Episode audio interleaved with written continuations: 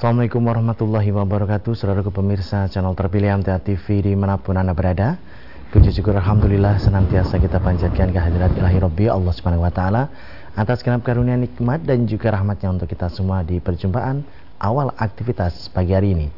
Kita jumpa kembali di program unggulan Fajar Hidayah dan Alhamdulillah sudah hadir Ustadz Sri Zadono yang nanti akan melanjutkan pelajaran sekaligus memberikan pencerahan untuk kita semua di kesempatan kali ini. Assalamualaikum warahmatullahi wabarakatuh Ustaz. Waalaikumsalam warahmatullahi wabarakatuh. Kabar baik dan sehat pagi ini Ustaz? Alhamdulillah khair insyaallah sehat. Alhamdulillah ya. baik. Dan pemirsa nanti bisa bergabung bersama kami di line telepon 02716793000 SMS dan juga di WA kami di 08112553000 Kita simak pelajaran kita pagi ini. Silakan Ustaz. Baik Bismillahirrahmanirrahim. Alhamdulillahirabbil Wa bihi nasta'inu ala umuri dunya waddin wa sallallahu ala Muhammadin wa ala alihi wa ashabihi ajmain. Amma ba'du, saudara-saudaraku kaum muslimin dan muslimat yang dimuliakan Allah Subhanahu wa taala, juga pemirsa sekalian, pendengar sekalian di mana pun Anda berada yang berbahagia. Syukur alhamdulillah kita panjatkan kehadirat ilahi Rabbi Allah subhanahu wa ta'ala. Atas nikmat karunia-Nya yang telah dicurahkan kepada kita sekalian.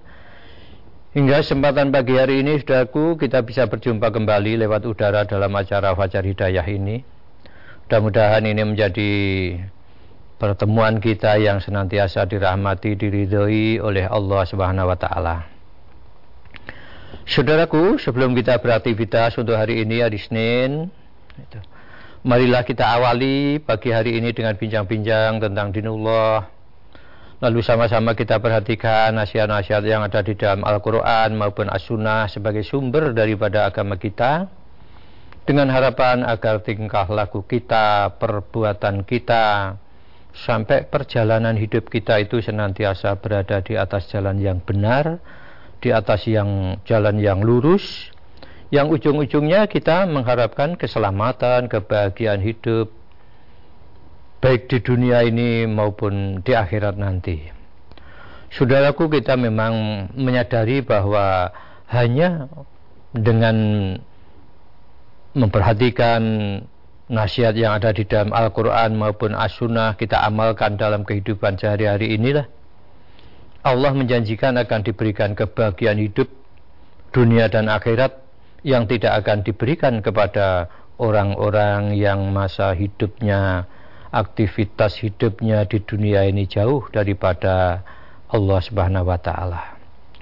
Saudaraku, kaum muslimin dan muslimat yang dimuliakan Allah Subhanahu wa taala, kini kami masih akan terus melanjutkan tentang perjalanan hidup kita setelah kita sampai nanti sampai di akhirat yang mana akhirat itu banyak diterangkan oleh Allah Subhanahu wa taala agar supaya kita betul-betul memperhatikan tidak hanya dalam kehidupan kita di dunia dengan segala aktivitas dunia tidak tetapi harus kita memandang jauh yaitu di negeri akhirat itu.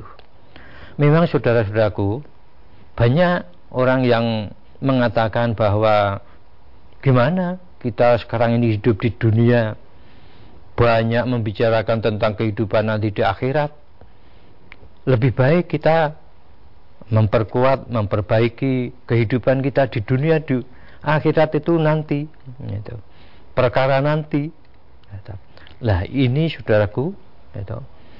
ini memang pandangan hidup yang tidak mengarah kepada tauhid, tidak mengarah kepada iman. Nah, sehingga dipandang hidup itu ya hanya dalam kehidupan kita di dunia ini saja.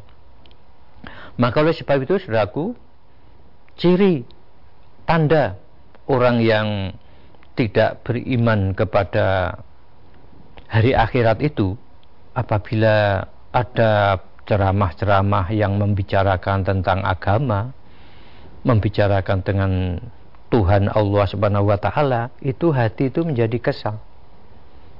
Ini pertanda kalau orang itu jauh gitu, keimanannya daripada iman kepada hari akhirat itu.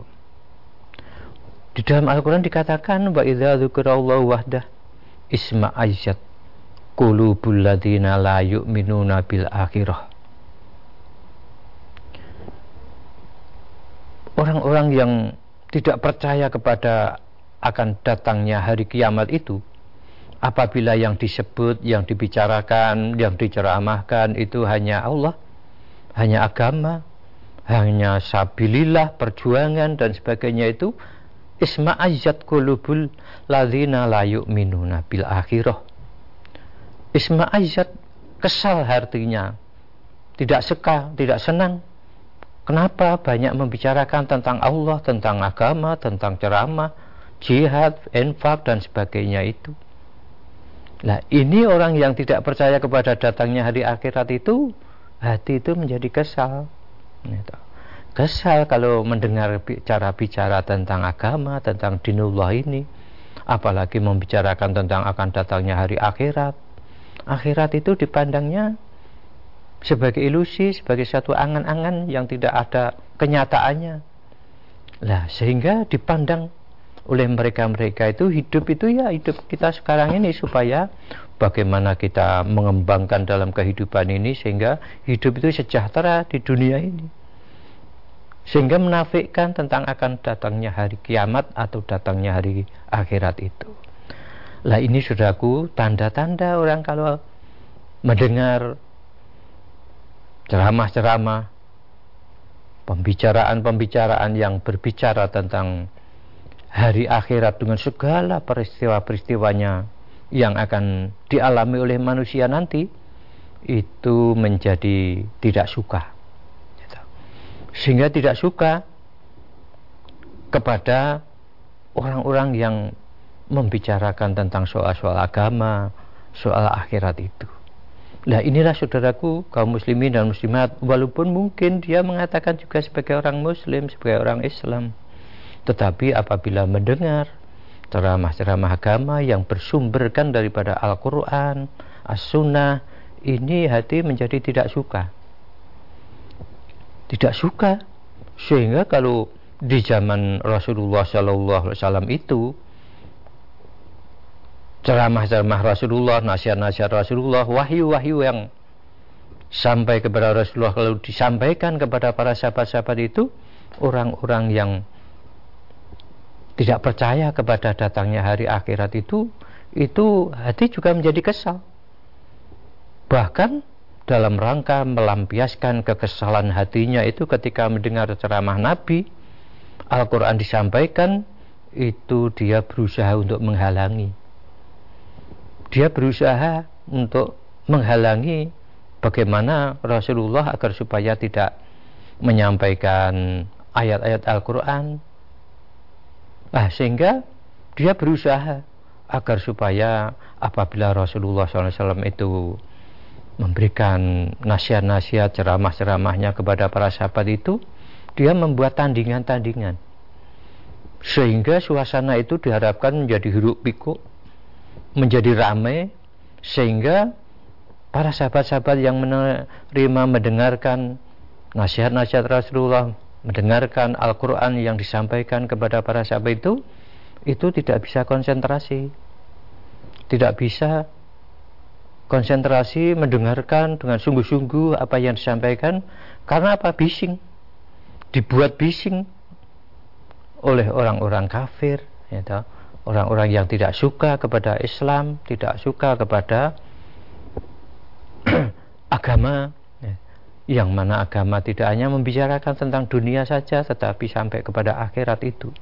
Lah dia berusaha semacam itu. Lah usaha-usaha yang semacam ini saudaraku rupa-rupanya oleh Allah taala itu memang ya sudah begitulah keadaan manusia dengan segala tabiat dan wataknya itu. Sehingga sampai hari kiamat itu juga ada orang-orang yang seperti orang jahiliyah dulu yaitu tidak suka, tidak senang apabila Al-Qur'an itu disampaikan kepadanya. Al-Qur'an diceramahkan itu sehingga orang-orang berusaha juga untuk menghalangi itu akan ada saja kalau memang yang disampaikan itu dari sumbernya yaitu Al-Quran dan As-Sunnah itu. Lah untuk itulah saudara-saudaraku kaum muslimin dan muslimat yang dimuliakan Allah SWT berbahagialah kita. Yaitu di mana kita di dalam kehidupan kita di dunia ini Allah memberikan hidayah kepada kita. Sehingga kita termasuk orang-orang yang apabila mendengar ceramah mendengar adanya pengajian tausiah-tausiah itu hati itu menjadi senang. Hati menjadi senang itu Berbeda dengan orang yang tidak percaya kepada akhirat tadi. Kalau yang diceramahkan itu agama, yang disampaikan itu adalah dinullah, itu hati menjadi kesal. Hati menjadi tidak suka.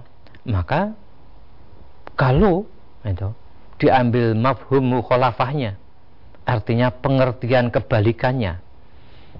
Artinya kalau orang-orang itu percaya kepada hari akhir, kepada hari kiamat, hari akhirat. Itu apabila mendengar ceramah-ceramah agama itu hati itu menjadi tertarik menjadi senang. Nah, itu. Bahkan kesenangannya itu melebihi daripada yang lain-lainnya itu.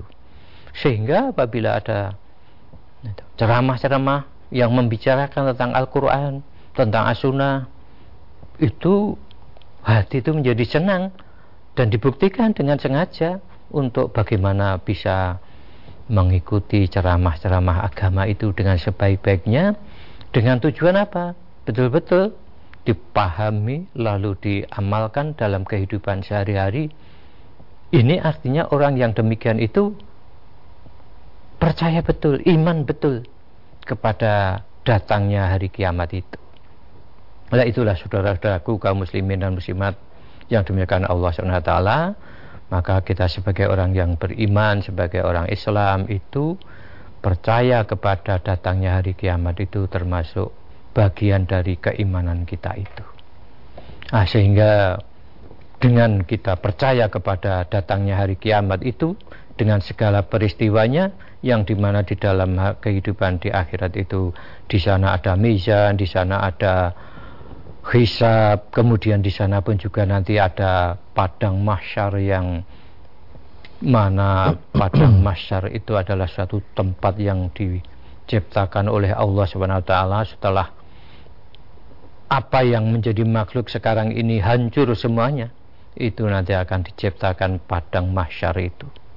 Yang mana manusia yang pertama sampai manusia yang terakhir itu nanti akan berkumpul dan di sana nanti akhirnya akan diadili oleh Allah yang Maha Adil yang mana Malik Yaumidin yang mana pada hari itu adalah Allah yang mempunyai itu, hari pembalasan itu. Nah itulah akhirnya dampaknya kepada kehidupan seseorang yang iman kepada hari akhir itu akan senantiasa mengarah bagaimana agar supaya hidup kita nanti di akhir itu mendapatkan kebahagiaan, keselamatan dan sebagainya itu. Lah oleh sebab itu lalu betul-betul memperhatikan dinullah itu. Sehingga hati itu akan senang bicara tentang dinullah ya toh. Bicara tentang perjuangan, jihad dan visabilillah dan sebagainya itu senang hati itu.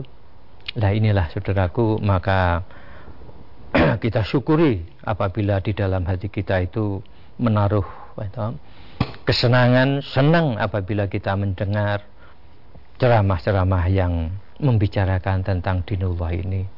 Bicara tentang dunia dan sampai akhirat itu, hati menjadi senang itu.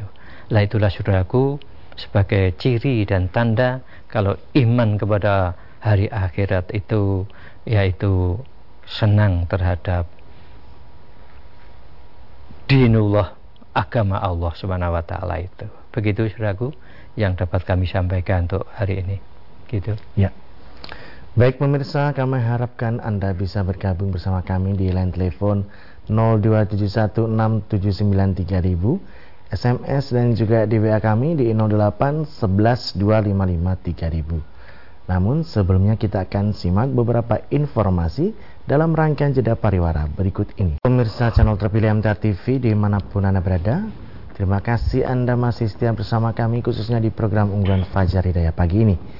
Kami persilahkan kesempatan yang pertama untuk pertanyaan yang melalui line telepon 6793.000. Halo, Assalamualaikum. Halo, Assalamualaikum. Waalaikumsalam warahmatullahi wabarakatuh. Dengan siapa di mana Bapak? Siapa di mana Bapak? Pak Adi ini di Palembang. Ya, silakan Pak Adi di Palembang. Pak Adi ini di Palembang. Silakan Pak Adi di Palembang. Assalamualaikum Ustaz. Waalaikumsalam warahmatullahi wabarakatuh. Mari Pak Adi. Waalaikumsalam warahmatullahi wabarakatuh. Mari Pak Adi. Ini Ustaz.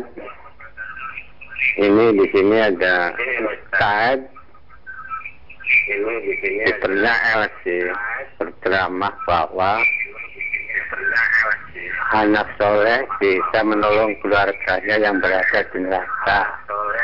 Walaupun keluarganya kafir. Walaupun keluarganya kafir. Tapi mengapa Nabi Ibrahim itu Nabi? Tidak bisa menolong bapaknya yang kafir. Iya Benarkah begitu Ustaz menjelaskannya Terima kasih. Wassalamualaikum warahmatullahi wabarakatuh. Waalaikumsalam warahmatullahi wabarakatuh. Iya, jadi memang ceramah-ceramah itu perlu kita itu punya istilahnya filter. Filter itu untuk menyaring, menyaring mana yang benar, mana yang salah, mana yang dari firman-firman Allah dari Al-Quran, mana yang itu? Tidak dari Al-Quran. Ini kalau kita sebagai orang yang beriman itu hendaknya punya. Punya itu tadi filter semacam filter kalau saya istilahkan itu. Karena apa? Karena memang kalau orang itu bertakwa kepada Allah SWT itu Allah itu akan memberikan kepadanya itu furqan. Furqan itu bisa membedakan antara yang baik dan yang buruk itu bisa membedakan itu kalau orang itu benar-benar iman dan takwa kepada Allah Subhanahu wa taala. Nah, maka oleh sebab itu setiap ceramah-ceramah itu ya kalau kita punya filter itu tadi diberi oleh Allah sebagai orang yang bisa membedakan antara yang baik dan yang buruk, antara yang hak dan yang batil, itu akan bisa nyaring. Oh, ini tidak benar. Nah, tahu. Karena apa? Karena bertentangan ini dengan Al-Quran itu. Bagaimana orang nanti diceramahkan bisa memberi pertolongan dan sebagainya nanti di akhirat walaupun orang-orang kafir. Padahal apa? Di dalam Al-Quran itu dijelaskan oleh Allah Subhanahu wa Ta'ala. Coba mari kita perhatikan. Ya, di dalam surat Luqman itu. Surat Luqman itu surat yang ke-31 ayatnya 33 itu ya, di dalam surat Luqman itu dikatakan a'udzubillahi minasyaitonirrajim. Ya ayuhan nasu taqu rabbakum wasyau yaumal la yajzi walidun an waladihi wala mauludun huwa jazin an waladihi syai'ah inna wa'dallahi haqqo. Fala tahuranakumul hayatud dunya wala yaghuranakum billahil ghurur. Itu di dalam surat Luqman. Ya, yang mafhumnya hai manusia ya, bertakwalah kepada Allah nah, takwa kepada Allah pertama seruan dari Allah Subhanahu wa taala itu bertakwa kepada Tuhanmu. Dan takutlah suatu hari yang pada hari itu seorang bapak tidak dapat menolong anaknya. Nah, di hari itu nanti di hari kiamat di hari akhirat. Nah, itu dicantakan tidak bisa seorang bapak menolong anaknya dan seorang anak tidak dapat pula menolong bapaknya sedikit pun. Ya, sesungguhnya ya, janji Allah adalah benar. Ini merupakan satu ketetapan Allah yang tidak akan berubah ya, dan janji Allah ini benar nah, sehingga kalau kita melihatnya dengan kacamata iman nanti di akhir itu tidak akan ada ya, seorang bapak menolong anaknya kalau anaknya itu nanti akan menghadapi azab dari Allah Subhanahu wa taala karena perbuatannya masa hidup di dunia itu durhaka kepada Allah, nanti itu tidak bisa. Itu dijelaskan oleh Allah di beberapa atau banyak ayat yang mana pada saat itu itu orang tidak bisa saling tolong menolong dan sebagainya itu. Nah, kemudian di dalam ayat itu tadi itu dikatakan, maka janganlah sekali-kali kehidupan dunia itu memperdayakan kamu dan jangan pula penipu. Yang dimaksud penipu di sini adalah setan ya, memperdayakan kamu dari mentaati Allah Nah itulah saudara Pak Adi yang mana nanti dengan firman Allah itu kita itu jangan terpedaya seperti kehidupan kita di dunia. Kalau di dunia ini mungkin orang bersalah kalau mempunyai bapak yang mungkin berwenang, bapak yang bisa mempengaruhi eh, sehingga kesalahannya itu nanti bisa bebas itu di dunia. Jangan terpengaruh dengan pikiran-pikiran semacam itu. Pikiran semacam itu di dunia, tapi kalau di akhirat tidak bisa semacam itu. Sehingga nanti masing-masing manusia itu akan bertanggung jawab sendiri-sendiri. Sehingga walaupun bapaknya sendiri itu nanti menggelepar-gelepar di dalam neraka, anaknya kalau anaknya soleh, anaknya takwa itu melihat yaudah tidak bisa apa-apa. Tidak bisa sebaliknya termasuk tadi dikatakan bapaknya Nabi Ibrahim itu ya, Nabi Ibrahim kalau menurut ayat itu ya tidak bisa menolong bapaknya yang bapaknya itu musyrik. Bapaknya itu adalah produsen Tuhan yang disembah oleh manusia jahiliyah pada saat itu. Tidak bisa menolongnya. Demikian juga kalau Nabi Nuh Nabi Nuh itu anaknya termasuk orang durhaka. Durhaka kalau Nabi Ibrahim itu bapaknya, kalau Nabi Nuh itu anaknya. Itu anaknya itu sudah dinasihati dengan bermacam-macam, tetap dia itu tidak mau berdurhaka kepada bapaknya apa yang menjadi seruan bapaknya bapaknya itu adalah Nabi Nuh itu sehingga sampai akhirnya dia termasuk orang yang ditenggelamkan dalam banjir itu itu itu anaknya nanti di akhirat ya ya bisa menolongnya si Nabi Nuh itu tadi. Lah oleh sebab itu jangan terpedaya dengan pikiran-pikiran di dunia, ya, toh. sama dengan di akhirat itu jangan. Ya, toh. Lah maka oleh sebab itu kalau kita mendengarkan ceramah-ceramah itu ya semaksimalnya kalau kita bisa menyaring, bisa menimbang, memilah, memilih dan sebagainya itu itu Nah, nanti akan tahu, oh ini tidak sesuai dengan ajaran Al-Quran itu. Ah, gitu.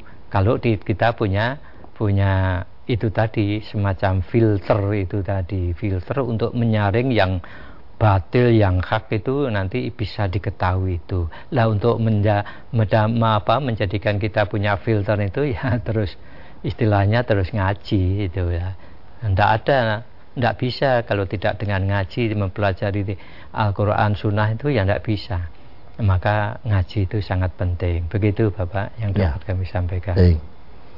kita beralih di WA Ustaz dari Ibu Siti di Karanganyar ada dua yang pertama berus orang yang berusia berapa yang wajib disolatkan jenazah ketika dari lahir ataukah ketika sudah balik atau yang bagaimana? Yeah. Yang kedua, ketika sholat jamaah di masjid tiba-tiba ada seseorang yang akan mengambil barang-barang kita, hmm. yeah. tas, HP atau yang lainnya. Apa yang harus dilakukan, Ustaz? Hmm. Membatalkan sholat ataukah melanjutkan sholatnya? Iya, jadi memang begini, manusia itu dibebani agama sehingga setiap tingkah laku, ucapan, pembicaraan dan sebagainya sudah dimintai pertanggungan jawab itu kalau sudah akhir balik sebagai orang mukalaf. Akhir balik memang sekarang ini karena ukuran akhir balik itu relatif, Nabi tidak memberikan batasan umur Nah, sehingga akhirnya ada beberapa pendapat. Akil balik itu kalau laki-laki itu sudah mimpi mengeluarkan mani itu sudah akil balik. Ada yang mengatakan kalau sudah bisa membedakan antara yang baik dan yang buruk yang hak dengan yang batil itu sudah akil balik. Kalau wanita itu sudah mulai haid itu ya sudah masuk akil balik itu. Lah sebelum sampai kepada umur akil balik itu Allah itu tidak memberikan beban agama sehingga apa pun yang dikerjakan pada saat itu tidak berpahala dan juga tidak berdosa. Nah, itu. Artinya belum dikenakan beban agama pertanggungan jawab atas perbuatannya itu. Lah maka oleh sebab itu kalau ada anak kecil belum balik masih kecil apalagi nah itu kalau Nabi ya memang ada yang disolatkan, boleh mensolatkan sahabat. Nabi pun juga pernah tidak mensolatkan anaknya yang meninggal, karena Nabi itu punya anak tiga laki-laki yang meninggal waktu masih kecil belum balik gitu.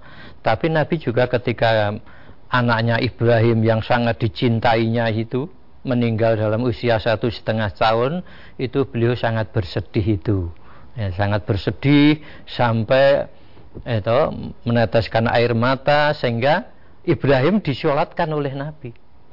Padahal belum punya dosa. Nah, sampai akhirnya di situlah pada saat itu terjadi gerhana, itu, gerhana matahari yang mana orang sangat itu berbincang-bincang berbisik-bisik bahwa matahari saja ikut berkabung, ikut berduka dengan meninggalnya anaknya seorang pembesar yaitu Nabi itu sampai terdengar oleh Nabi karena sudah itu tadi.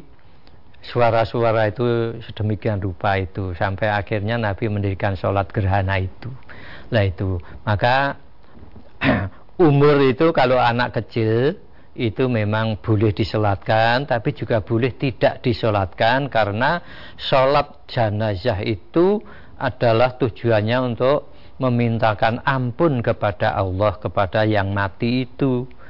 Itu supaya diampuni isinya ya permohonan ampun nah, kepada Allah. Lah sedangkan anak yang belum sampai balik itu tadi belum punya dosa kalau sudah meninggal itu pada waktu masih kecil. Kalau belum punya dosa itu apa yang akan dimintakan ampun? Nah, itu.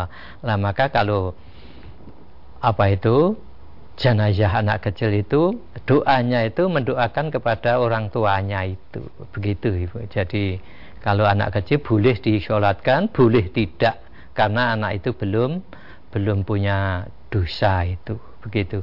Kemudian yang kedua apa? Ketika ada, sholat jamaah di masjid tiba-tiba hmm. ada orang yang akan mengambil barang-barang kita.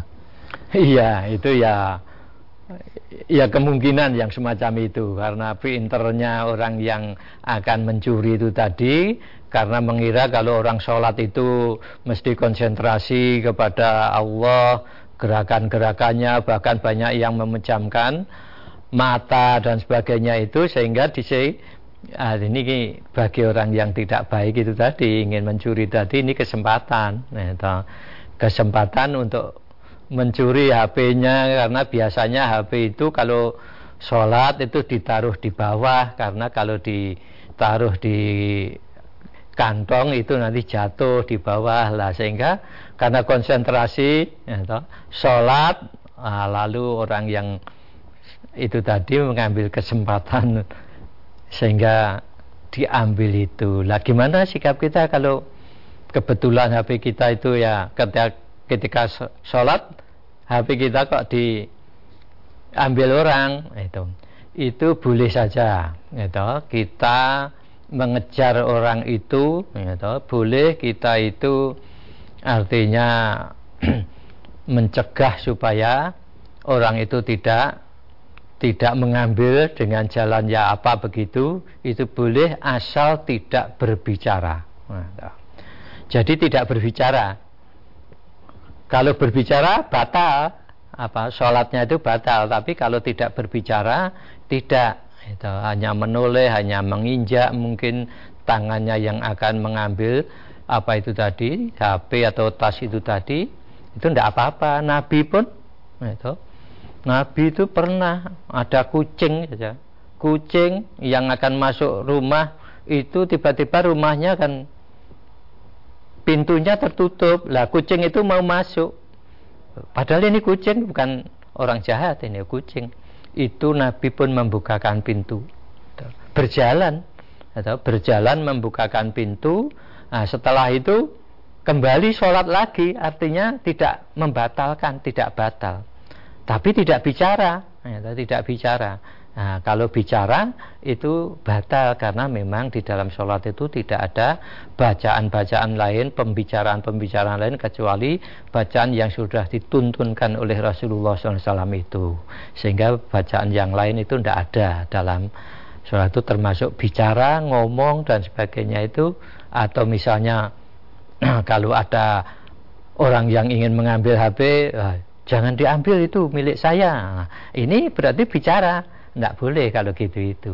Tapi kalau hanya dengan gerakan itu boleh. Begitu Ibu yang dapat kami sampaikan. Ya.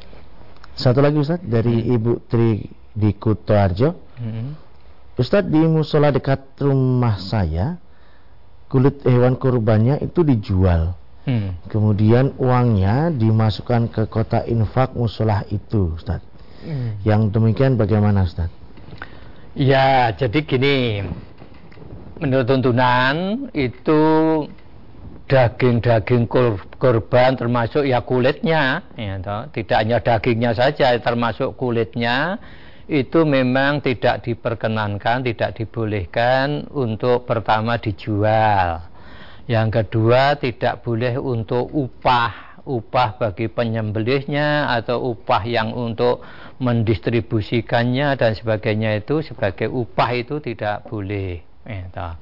Lah daging itu dengan kulitnya pasti kulit sapi atau itu nah, itu biasanya kalau istilahnya tidak dijual itu ditukar nah, ditukar nanti dibelikan daging lagi itu itu istihad sebetulnya nah, tapi kalau menurut hadis tidak boleh itu kulit termasuk kulit itu ya tidak boleh dijual. Lah gimana kalau tidak dijual tidak bisa memanfaatkan kulit yang mungkin ya banyak itu.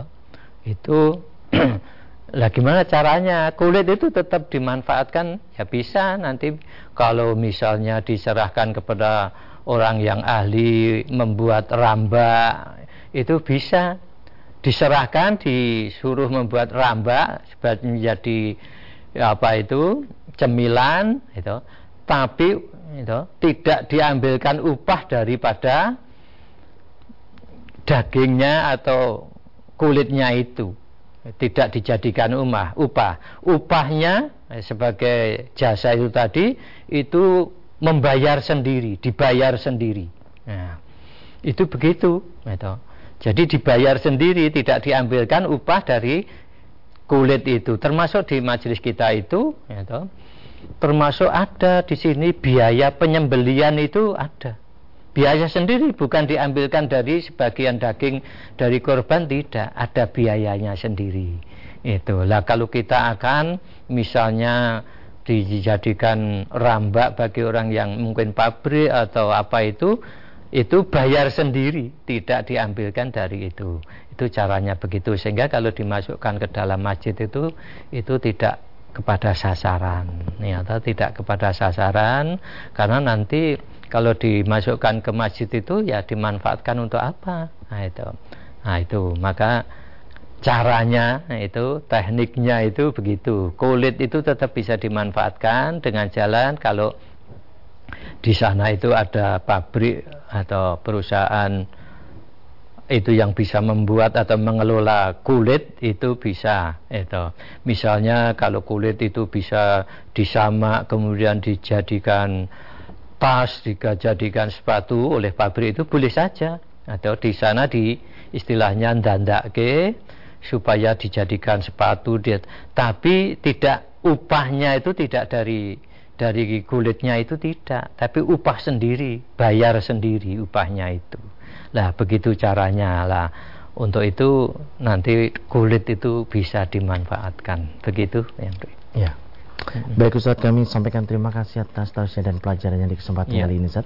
Assalamualaikum warahmatullahi wabarakatuh. Waalaikumsalam warahmatullahi wabarakatuh Baik saudaraku pemirsa channel terpilih MTA TV di mana pun Anda berada Demikian tadi telah kita simak dan bersama program unggulan Fajar Hidayah pagi ini kita jumpa kembali di kesempatan mendatang dan saya Tami Al-Fatani pamit undur. Alhamdulillahirrahmanirrahim. Subhanakallahumma wa bihamdika.